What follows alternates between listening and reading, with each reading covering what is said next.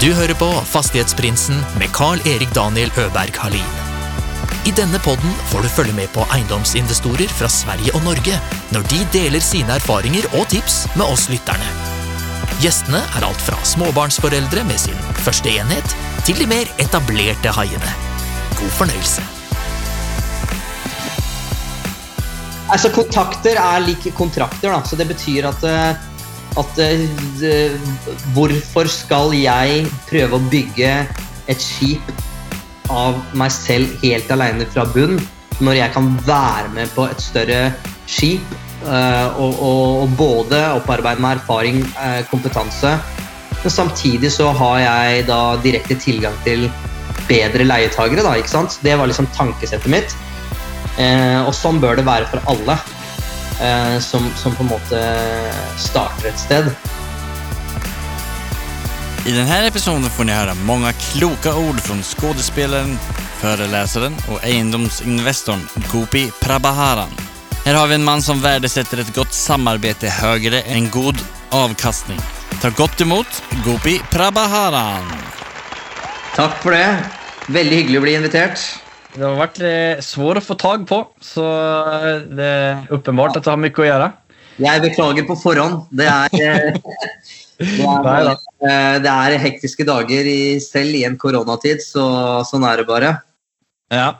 Nei, men og Det håper jeg at vi skal få eh, vite litt mer om hvorfor det har vært så hektisk. Men Kan du bare starte opp og berette litt hvem Gopi er? Ja, hvem er Gopi? Gopi er, eh, jobber fulltid som skuespiller og eh, produsent. Så jeg jobber foran kamera, foran teater, på scenen og på TV. Eh, og når jeg ikke gjør det, så produserer jeg innhold. Enten for meg selv eller for bedrifter og merkevarer. Ja, storytelling er kanskje min kjernevirksomhet. Ok, Hva innebærer det? Ja, Hva innebærer storytelling? Det er, gjør jo at uh, Formidling, da. Noen ganger så blir man invitert uh, for å holde et foredrag, en tale. Det kan være for næringslivet, corporate-verden uh, i Norge.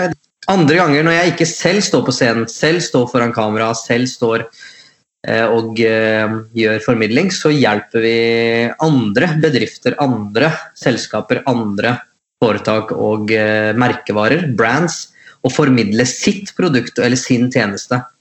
Er det i hovedsak via eh, sosiale medier, eller hvilket eh, type av medier bruker dere da?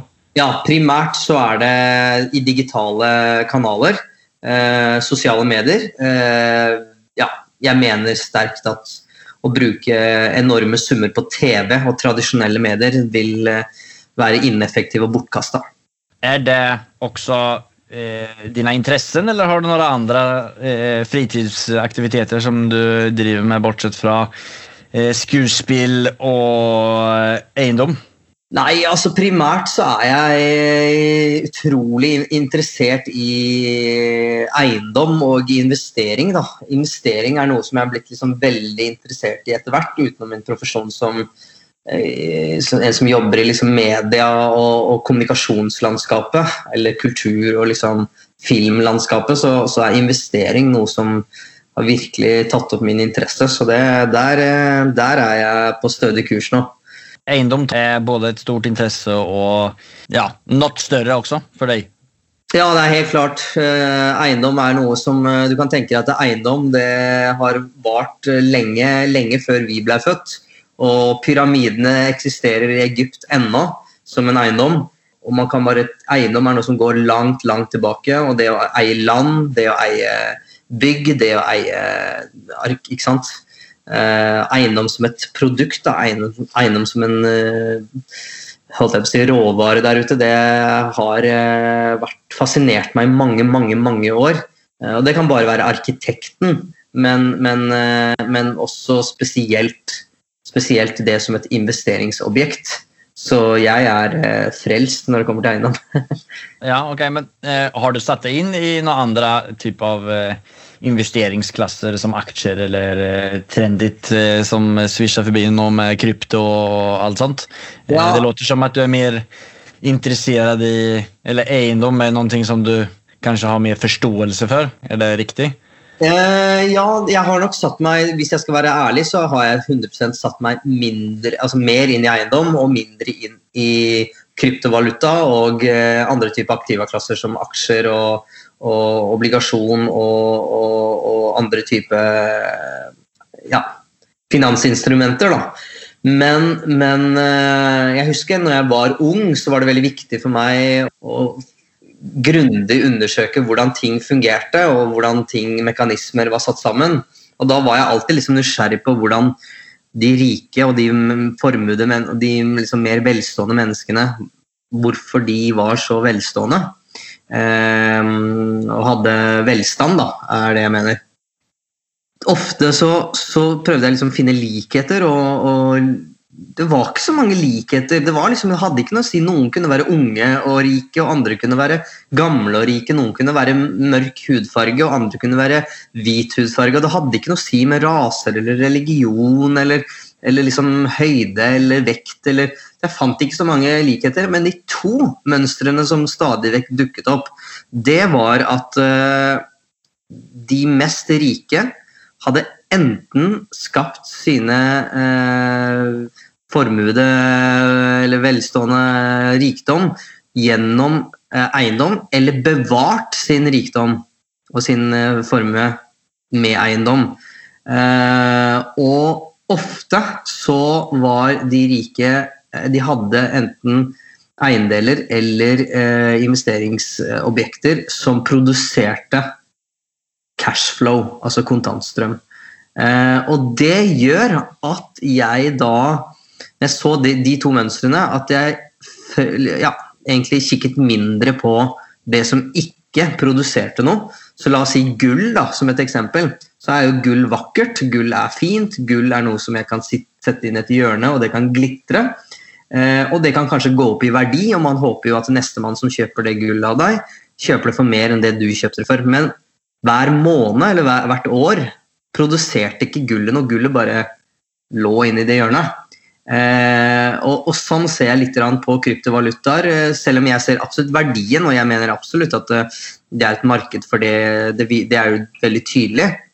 Men jeg var ikke så interessert i noe som eh, på en måte kunne gå opp eller ned i verdi, som var veldig sånn markedsbestemt, eh, som man måtte sitte og håpe på at det neste man skulle kjøpe for mer. Jeg var mer interessert i noe som var solid, stabilt og kunne estimeres og forutses mye enklere, og derav eiendom som et investeringsobjekt eller aktiva-klasse. Ja, nei, men Det var en veldig bra beskrivning og da forstår jeg litt mer på hvordan du tenker. Eh, og Du snakket om når du var mindre, at du redan begynte tenke på hvordan du skulle investere redan når du var mindre. Det er kanskje ikke alle som gjør det. Når startet du med eiendom, og hvordan kom du inn på den banen? Jeg gjorde nok min første investering i 2010, tror jeg. Eh, bolig. Eh, og så har jo og så hadde jo på en måte jeg sett andre i min vennekrets også investere i bolig ganske tidlig.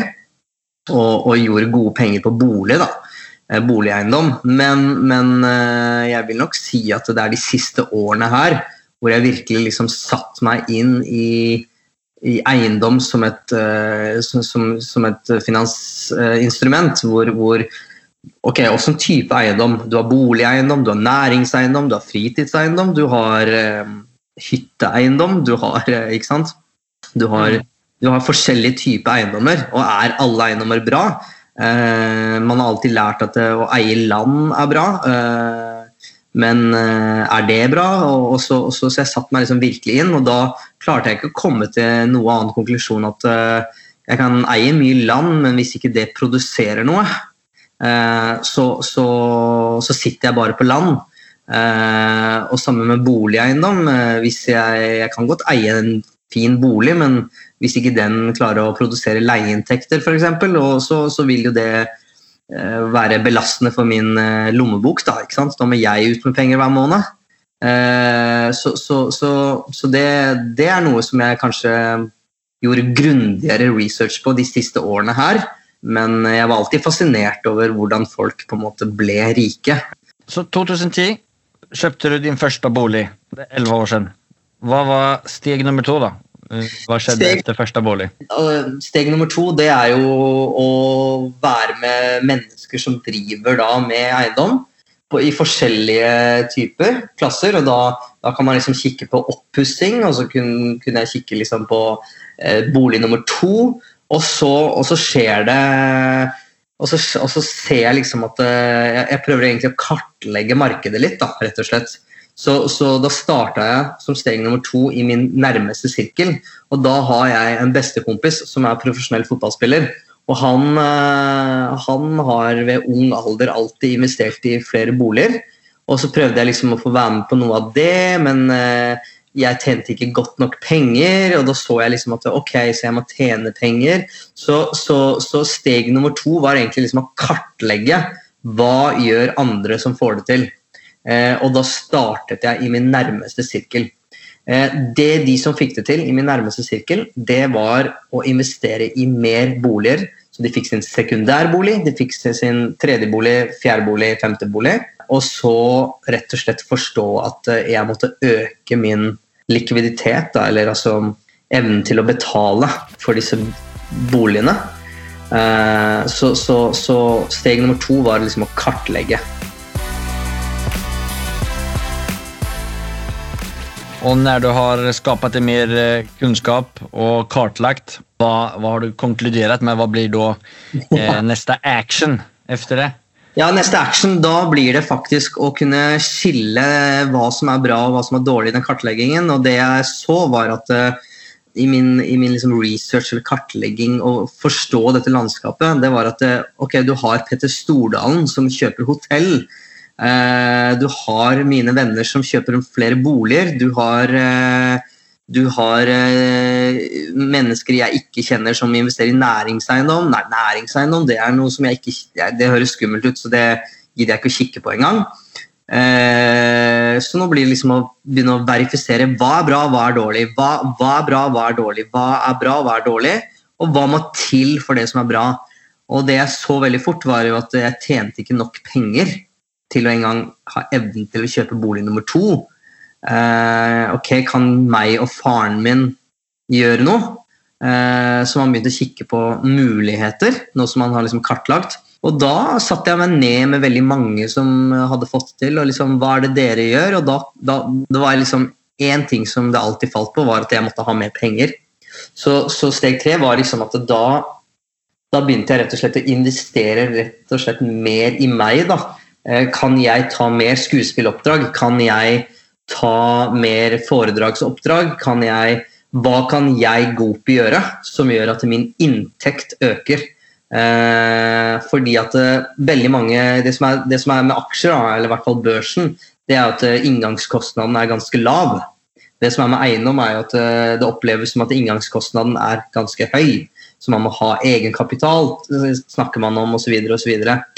Eh, og jeg fant ut at eh, grunnen til at jeg ikke har verken betjeningsevne eller, eller noe mer egenkapital, er jo rett og slett fordi at eh, jeg har ikke investert i meg. Jeg må rett og slett investere mer i meg, slik at jeg blir bedre i noe jeg holder på med.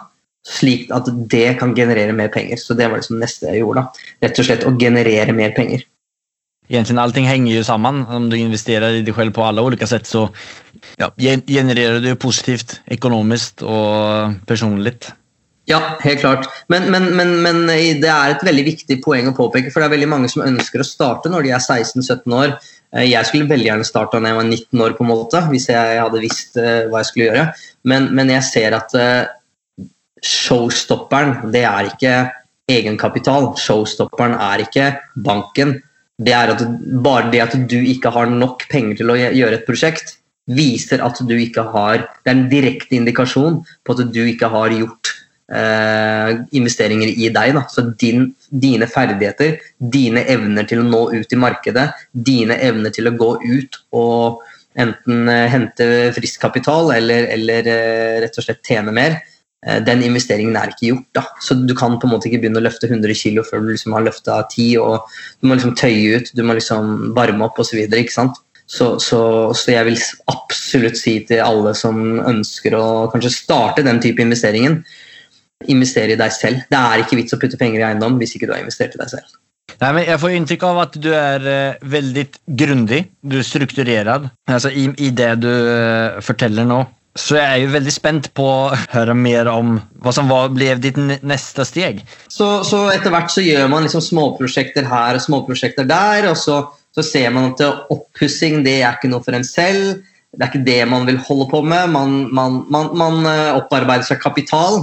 Eh, og så er eh, neste er jo da at eh, jeg Nå som jeg føler meg selvsikker på, på hva jeg gjør, og hva jeg liksom kan investere i, så, så begynner jeg å kikke på et nytt segment og et nytt produkt som kalles næringseiendom. Eh, og på engelsk så heter det commercial real estate. Interessant. Altså, hvilket år er det når vi begynner å snakke om eh, næringseiendom? Eh, jeg begynte å kikke på ting allerede i 2018, tror jeg. Ja, jeg, jeg gjør første transaksjon eh, i 2020 og andre transaksjon i 2021, hvis jeg husker riktig. Nei, men du gjorde den første eh, investering i næringseiendom, eh, eller commercial real estate. Hva, eh, kan du fortelle litt mer om det? Ja, så det som er, er at eh, Ja, det er jo sammen også med en stor aktør i Norge, eh, som, som er ja, regionens største aktør. Så jeg partnet opp eh, og, og fikk kommet inn der. Men, men jeg kikket på i hvert fall 100 næringseiendomsprosjekter og tilbud og forespeilinger fra andre aktører før jeg begynte å plassere kapital i, i næringseiendom. Eh, For meg var det et par kriterier som var viktige. Jeg måtte ha solide leietagere. Så dette er jo midt inn, Nå er vi midt inne i korona, ikke sant? situasjonen. Og, og, og, og for meg så var det liksom å se hvem er det som går konkurs, hvem er det som eh, blir nedstengt, hvem er det som er i en sårbar situasjon. Så for meg var det veldig viktig at leietagerne var solide. Eh, og i det prosjektet der så har, har vi politiet som leietagere, vi har Posten, vi har Rema 1000, vi har Europris. Vi har en del leietagere, og ingen av de har vært nedstengt under koronasituasjonen. Så det er liksom viser tegn på en veldig solid og stødig leietagermiks. Ja. Eh, men, men bare sånn kort fra liksom bolig til næringseiendom, det er at eh, når det kommer til bolig, så er det mennesker du har med å gjøre, og det har du jo også på næringseiendom. Men eh, på bolig så kan folk eh, eh, Altså, de kan plutselig finne på å ikke betale husleia, og så kan ikke du kaste de ut, fordi det er det namsmannen som må gjøre. Eh, og det var bare, det bare, var bare liksom, Jeg opplevde bare veldig mye uprofesjonelle leietagere, da, hvis jeg kan kalle det det. Jeg kjenner jeg meg i hodet bare å tenke på det. Eh, og jeg har hatt liksom masse leietagere. Det ble jeg bare gæren av. Når jeg kommer til næringseiendom, så er det profesjonelle leietagere. Det er folk som alltid betaler i tide. Det er profesjonelle kontrakter. Eh, så jeg følte liksom bare på det å liksom forvalte, så er det mye mer profesjonelt på næringseiendomssiden. Eh, For det andre så er det en del eh, selskapsstrukturer, avgift eh, og skattemessige insentiver som staten har lagt, som er mer gunstig enn eh, på privat boliginvestering. Og det gjorde at jeg syntes at det var interessant. Og på privatbolig så har du liksom kontrakter som minimalt folk er leier der i et år, men kan si opp i løpet av tre måneder. Eh, mens på næringseiendom så er det kontrakter som varer i fem år, ti år, 15 år, 20 år. Eh, så det, det skaper en god sikkerhet, da. Hvordan får man tag på et sånt bygg og kan bli delaktig eh, i et sånt prosjekt? Ja, da er svaret kontakter er lik kontrakter. Og den eneste forskjellen er bokstaven R, som står for relasjoner. Oi, oi, oi. Den der, den der var bra. Den der må jeg skrive opp.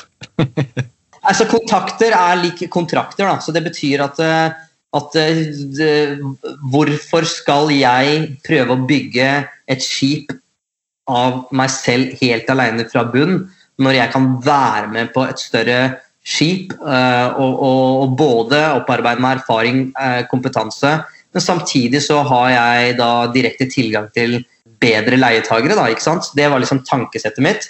Eh, og sånn bør det være for alle som, som, på en måte starter et sted. Jeg kikket som sagt på 100 objekter. Av de 100 så var det kanskje ti av de som var tilbud fra andre aktører, slik som de jeg har eh, gjort partnerskap med. Eh, jeg ble forespeilet gode, gode, tilbud av veldig mange, og så kikket jeg kanskje på 90 som jeg kunne gjøre selv.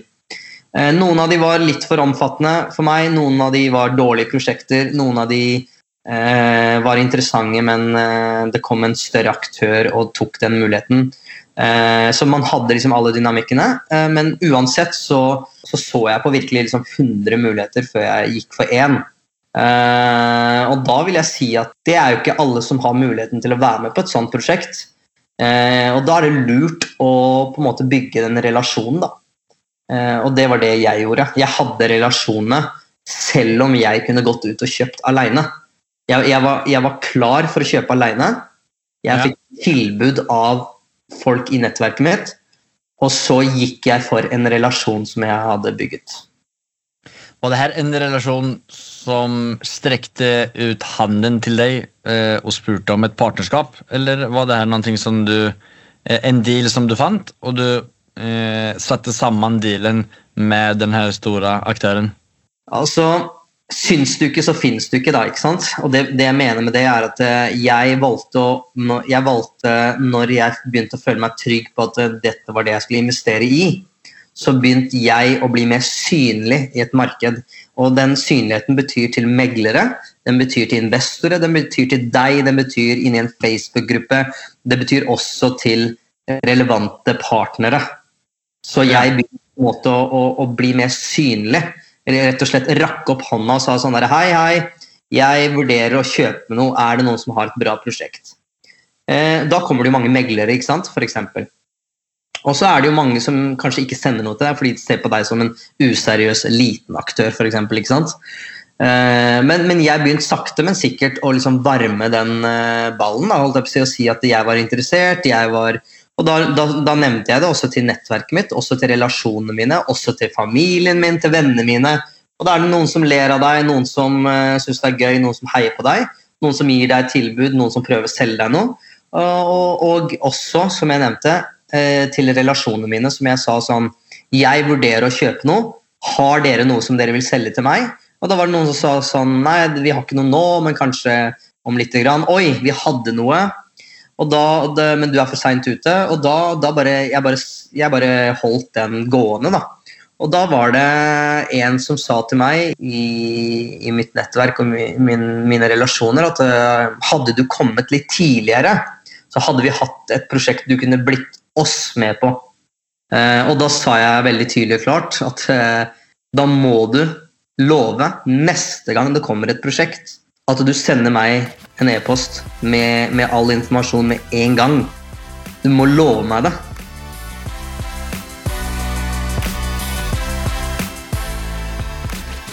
Og da var det sånn Ja, ja, ja, det ordner vi. Og så tror jeg at jeg fikk en mail i fjor. Det var vel sånn det starta. da, da, sitter jeg og ser på objekt nummer 77, objekt nummer 88. Og så ja. fikk jeg av flere av relasjoner jeg fikk faktisk mail samtidig.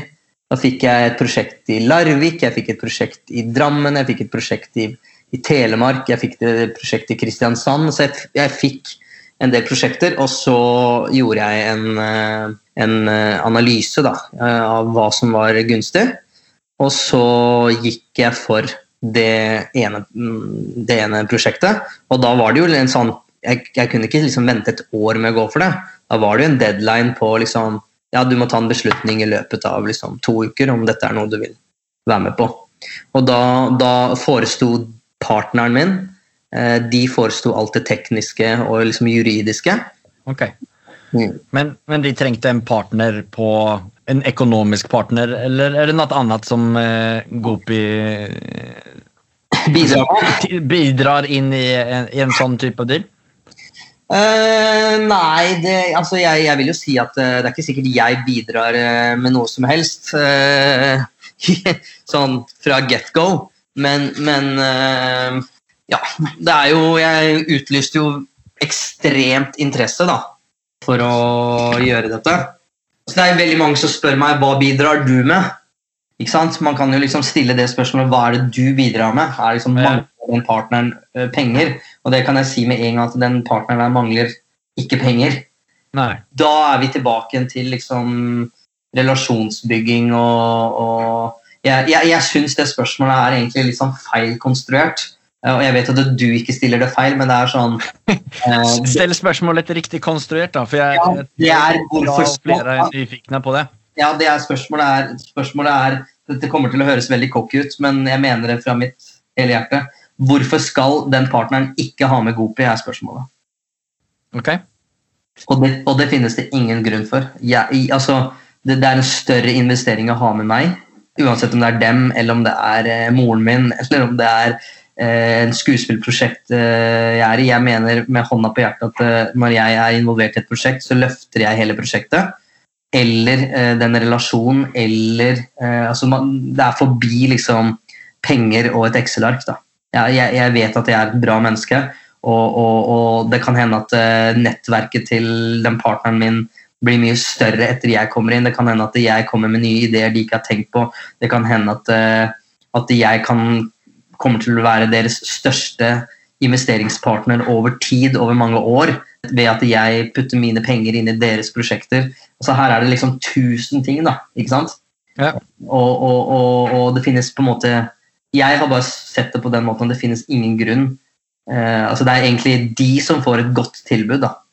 Eh, Ja, jeg elsker det. Jeg elsker at du sier det. Altså, du påminner min fru. Hun har også samme mentalitet. Hun, jeg bruker kalle henne for eh, eh, at hun er den okjenteste kjendisen i hele verden. ja, sant? og hun, eh, alle situasjoner, om det så har vært eh, jobbintervjuer gjennom årene eller eh, hva det enn kan være, så, så går hun inn med den innstillingen som du har der. At eh, de skal være takksomme for at de eh, får tilbudet om å ha med henne. Og det, jeg, jeg, jeg, skjønner eksakt hva det er du, du mener. Og det bekrefter jo eh, på et sett også at business ikke bare handler om penger. Eh, så klart at business i grunn og botten gjør man for at man skal eh, tjene penger. Men som i hvilket arbeidsmiljø som helst, så vil man jo ha gode arbeidskolleger. Ja, og det er jo veldig sånn Det er veldig mange som tror at hvis du skal gjøre ting selv, eller du skal partne med noen, så trenger du bare å stille opp med liksom penger eller og så videre, eller enn det måtte være. da. Eh, og, og, og, og samme hvis man sier til seg selv Nei, hva er det jeg har å tilby liksom, til han eller til de partnerne, eller, eller til liksom, hva er det jeg har å tilby? Nei, kan hende at det er noe annet enn penger. Kan være arbeidsinnsats. Det kan være at du har et godt nettverk. Det kan hende at du kjenner markedet i Sverige. Det er liksom bare sånn tusen ting du har å tilby som et menneske. Og den verdien anbefaler jeg alle liksom ser i seg selv. da.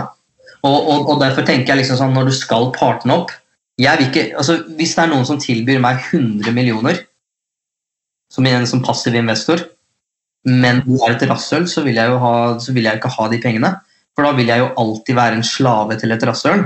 Men hvis Mm. det er sånn at eh, du tilbyr 100 000 kroner, og du ønsker veldig å være med i et prosjekt, og, og, og hvis dette går bra, så vil du kanskje putte 500 000 i neste prosjekt, og hvis det går bra, så kanskje du vil putte 1 million. Altså, altså Man ser liksom langsiktig av en storkunde. da. Så, Jeg så- elsker settet som, som du tenker på eh, og resonnerer på, Gopi. Det både fint menneskelig, og, men også veldig bra businessstrategisk. Det for å ta det tilbake til det vi snakket om, er det med å være synlig. Eh, du nevnte at du var veldig synlig, eh, eller at det begynte å bli mer synlig. Hva var det som gjorde at du registrerte at det var noen, en viktig del i eh, å komme videre? Ja, Det er noe som jeg Det har ingenting med eiendom å gjøre, men det er noe som jeg har sett liksom eh, vært det eneste fungerende eh, datumet her i livet hvis du skal i karrieremessig. Hvis du er dritbra skuespiller, men ingen vet om deg, så er det vanskelig å få jobb. Hvis du er verdens beste ingeniør, og men ingen fabrikker eller hvor enn du skulle jobbe, vet om deg, så, så, så er, hvordan skal du få jobb da? ikke sant? Og Jeg har lagt merke til, jeg er veldig flink på å gjøre grundig research, og det er at jeg ser at det er ikke alltid det beste produktet som vinner. Det er det best kjente produktet. Så det Ja. finnes sikkert en datamaskin som er bedre enn Apple, men Apple er veldig kjent. Mm. Og, og før iPod, altså MP3-spilleren, så eksisterte det 100 MP3-spillere, men de var ikke kjent. Så det er ikke sikkert iPoden var det beste produktet, men det ble det mest kjente produktet. Mm. Ja, nei, men det er jæklig viktig, jæklig viktig poeng, altså. Ja, og etter hvert som man er liksom synlig, så begynner man å ta posisjon, da, ikke sant? Så, så, så du kan ikke bare ta posisjon dag én. Uh, og derfor må man liksom starte altså du, du starter ikke med 100 kg på trening. Du starter med å komme i gang på trening, ikke sant? Eh, og, og samme her, du starter liksom ikke med det beste partnerskapet. Eh, det er liksom ikke sånn at Hilton hotell eller Stordalen eller eh, Trump Towers og Enterprise at de liksom er klar til å gjøre partnerskap med deg nå, men du må jo starte et sted. Eh, og da må man liksom man må starte med å bygge relasjoner og være synlig, og så generere flere muligheter. Og så rett og slett ta en mulighet og vise seriøsitet når man får den muligheten. Og så være synlig med det prosjektet. Og så være synlig med neste prosjekt. Og over tid så vil du ta en markedsposisjon, da, som det heter.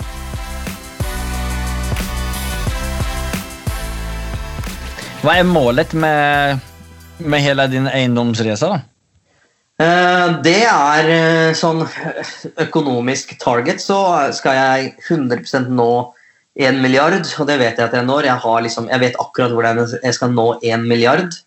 Eh, Men eh, jeg ser jo at, eh, at eh, liksom etter hvert som liksom man ser på eiendom og, og, og, liksom ser på liksom produktet eiendom, så ser man jo at det er mye ineffektive strukturer da, som kanskje jeg kan være med på å bidra med. Det kan bare være digitalt.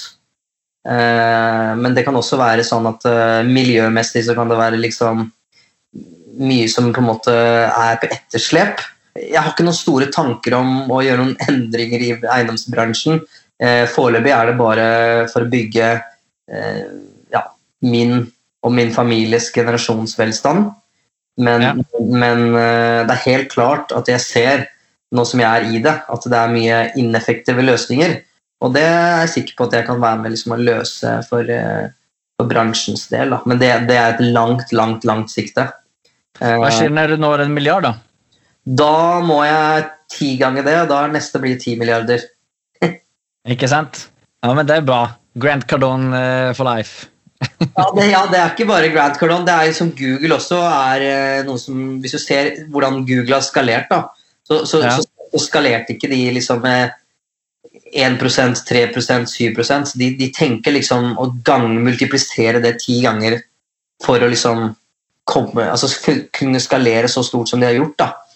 Eh, men, men eh, jeg kan jo si dette, da. Grant Cardone eller ikke Grant Cardone. Alt som er verdt å gjøre én gang, er verdt å gjøre flere ganger. Er du ikke enig? Jo, helt riktig. Og er det verdt å trene én dag, er det ikke verdt nesten å trene hver dag. Jo. Ja, og er det verdt å liksom eh, investere 100 000, er det da ikke verdt å investere 1 million? Yes, og det er hele, det er hele tankesettet. da. Ja. Nei, men det, Er du så her positiv til alt? Om jeg er så positiv til alt? Ja. Har, Er du en superpositiv mann? jeg, er, jeg er sinnssykt entusiastisk og positivt, men jeg har jo altså De som kjenner meg, bestekompisen min eh, som jeg bor med, eller eh, familien min, de ser jo meg på mine dårlige dager og dårlige sider.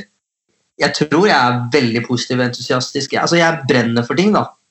Men, eh, men om jeg alltid er positivt jeg, jeg, jeg, jeg, opplever at noen ganger så er jeg Altså Det er noen mennesker, sånn som deg, da, Daniel, som jeg opplever, og det er noen mennesker der ute som jeg opplever bare er liksom sånn uh, veldig positive rundt mennesker, og alle bare liker den personen. og Du vet, du vet liksom sånn kjernekar, da. Ja. Det er sånn jeg misunner, for det er sånn jeg aldri klarer å være. Eh, Jeg takker for eh, komplimenten som du gav tidligere, og velkommen inn i, i, i samme bås. Ja, Det er hyggelig å høre. Det er takk for det. Så det Nei da. Det ville vært løgn å si at man er hele tida positiv. Jeg, jeg, tror, eh, jeg tror jeg skulle Man jobber med det, da, i hvert fall. Da har jeg et spørsmål til deg, Daniel. Ja. Hva er det ene som du, som du kunne tenkt deg å gjøre som du vet du ikke tør?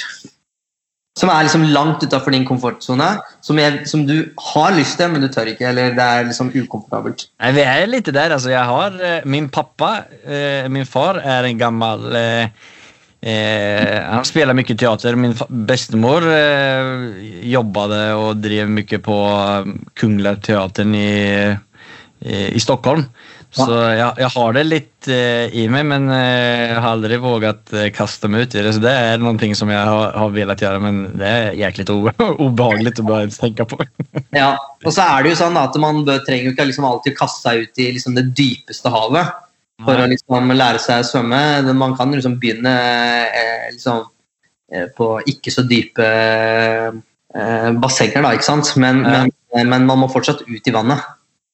Men Gopi, du får hooka meg opp på barnebassengen i, i teaterbransjen, da. Ja, Det er du hjert- hjertelig velkommen til. Ja. ja, men det gleder jeg meg til.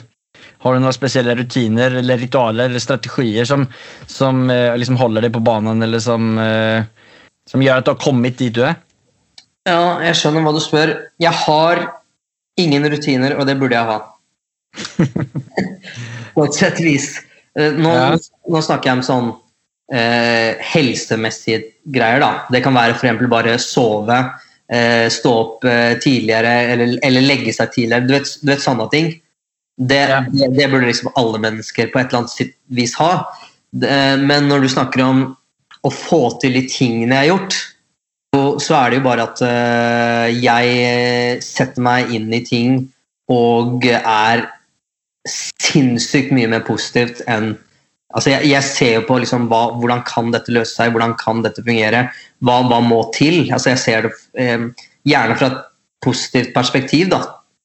Eh, Ikke sant? Eh, så, så, så, og det ser, jeg ser at det, det er ikke det å investere i eiendom som er vanskelig. Å liksom analysere et Excel-ark, det er liksom egentlig ikke vanskelig.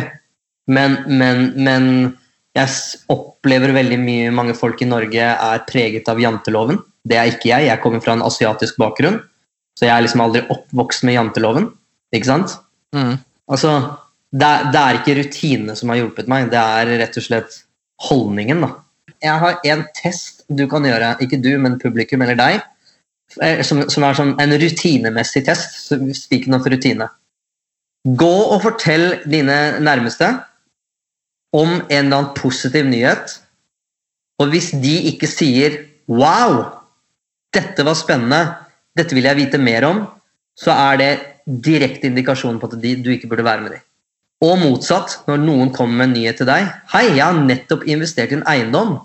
Hvis ikke du reagerer med 'wow, spennende', hvordan fikk du det til, jeg har også lyst til å få til sånt. Hvis ikke du svarer det, hvis du sier sånn 'ja, men er de egentlig så store'? Ja, men eh, hva er det du har å tilby til han, da? Hvis du, hvis du er den som kritiserer, så er det en direkte indikasjon på at du har masse å jobbe med. Så investerer du med Gopi så får du en eh, positiv coach med på laget. Det er perfekt. Nå er vi faktisk framme til eh, et nytt segment som heter Affärsanalysen. Det går ut på at eh, vår gjest skal beskrive en eiendom. Gå igjennom den eiendommen. Eh, hva, hvilken type det er. Alt fra topp til topp.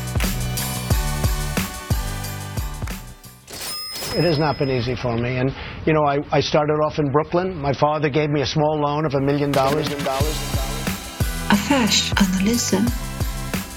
Så Gopi, har du tenkt over noen eh, eiendom som du vil dele om? En eh, næringseiendom med politiet som leietagere, Posten, Rema 1000, Europris. eh, Ja, jeg tror vi totalt har eh, 20 leietagere.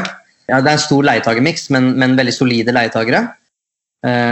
Og sinnssykt god beliggenhet langs egentlig, si, motorveien. Og ja, strategisk beliggenhet, gode leietagere, gjenværende. Jeg tror det er syv og et halvt år. Ja, så gode, gode, gode lange leiekontrakter. da. Var de i bygget når, når du kjøpte den, eller? De var i bygget når du kjøpte den. og det er sånn jeg har valgt å investere.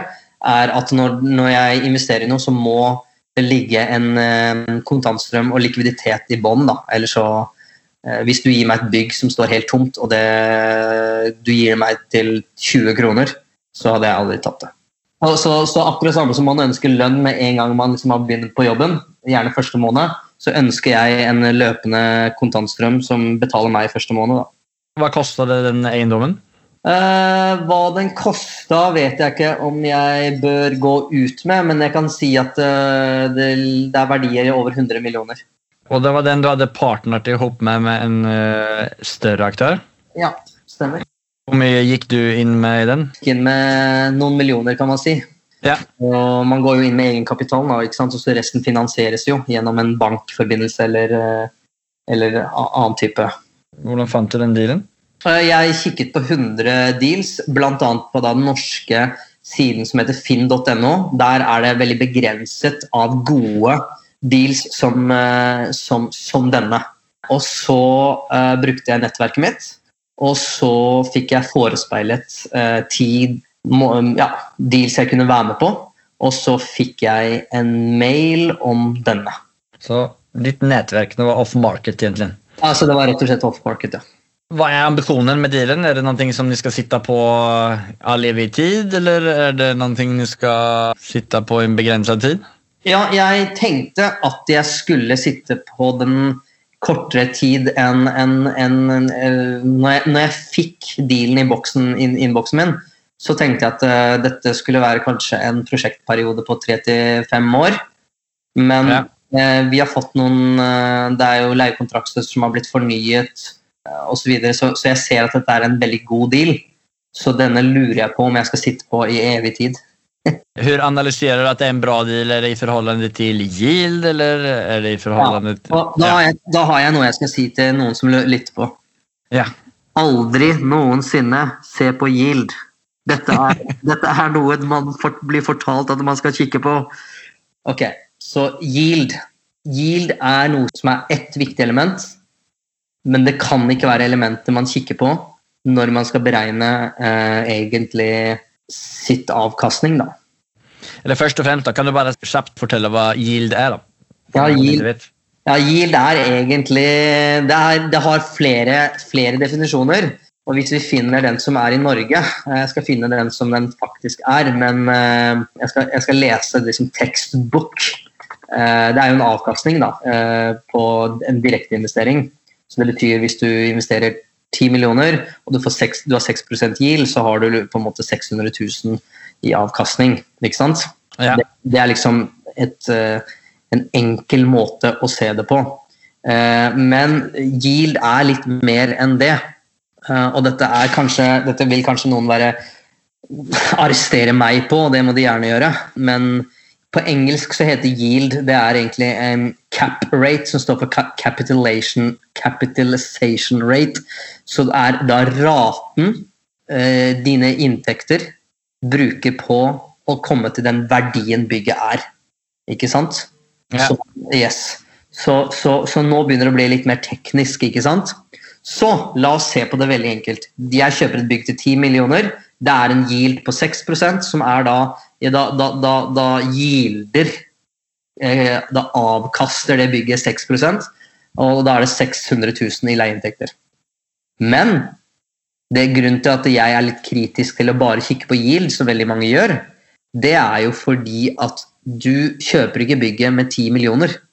Du kjøper bygget med giring, altså du spytter inn 2 millioner i egenkapital, og så finansierer du resten. Så Mm. da forandrer jo ditt avkastningsbilde. Dette er litt teknisk, nå hørte jeg at halvparten av lytterne bare datt av. Men, men, men, men det, er, det er greit. Det, det, det er Nei, men det, er, jo, det er jo på grunn av at det er mange ulike faktorer som kan spela inn der. Det kan være at man har en, en, den ene personen kan ha en bedre eh, bankrelasjon som gjør at du får en større andel lån, Altså du putter inn mindre penger selv. Det kan ligge, det ligger i, i en marknad som man har tro på skal øke i verdi, eller ikke skal øke i verdi. Så må man ta, legge det i alle faktorene. Da. Ja. Altså, det altså, altså det som er, er at det, Husk at den yielden forandrer seg i år to da, etter du har kjøpt den. Fordi at leieinntektene forandrer seg, og, og, og, og, derav prisen forandrer seg. Altså det bare, Yielden er et øyeblikksbilde. Det er veldig viktig å vite. Ja. Det gir et godt øyeblikksbilde på verdien til en eiendom. På liksom en sånn rask og oversiktlig måte. Så det kan være at det, Vi ser på liksom fem eiendommer, og så sier vi liksom, at der er det syv yield, der er det seks yield, og i Oslo er det liksom fire yield. bare sånn eksempel, Som gir oss en liksom rask og oversiktlig måte å kikke på det. Med et godt øyeblikksbilde. Men du har jo ikke tenkt til å fullfinansiere dette objektet, og du har heller ikke tenkt til å holde på det mest sannsynlig i tolv måneder. Så derfor forandrer jo det yield-bildet seg. da, ikke sant? Eh, La oss si at jeg har politi som leietagere i, midt i Oslo. Så er yielden kanskje liksom 3-2. ikke sant? La oss si at jeg har liksom ti år, men yielden er jo helt annerledes når jeg har hatt den kontrakten i ti år. Og nå er det liksom, er det et, liksom jeg, har- jeg har hatt den i ni år, og det er liksom et halvt år igjen. Og, og, og politiet har tenkt til å flytte ut. Eh, og, og la oss si at det området der ikke er så bra lenger. Det, det forandrer jo det yield-bildet, da. ikke sant? Så, så, så man må liksom gjøre en større lønnsomhetsberegning. Og eh, alt dette blir liksom teknisk, men yield er det siste jeg kikker på. Har du lært deg noe av dealen enn så lenge? Eh, jeg har ikke lært så mye av dealen. Jeg var, jeg var ganske sikker på mine beregninger før jeg gikk inn i dealen. Man vet om det er liksom den sykkelen man skal kjøpe, eller den bilen man skal kjøpe, og så er det jo liksom Man ja, burde jo vite om den er komfortabel å kjøre eller ikke før man kjøper den. da. Det høres ut som du er veldig aktiv i dealen Jo da. Nei, altså, nei, altså det, Majoritetspartner er jo da de som forestår det tekniske og, og, og forvalter. Da. De har vaktmesterne på plass. Så, så, så, så det er jo, er jo jeg veldig heldig med. Men Ja. du må lære det meste før du kjøper dealen.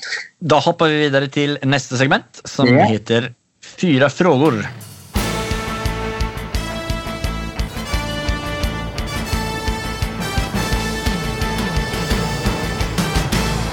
Cuatro preguntas.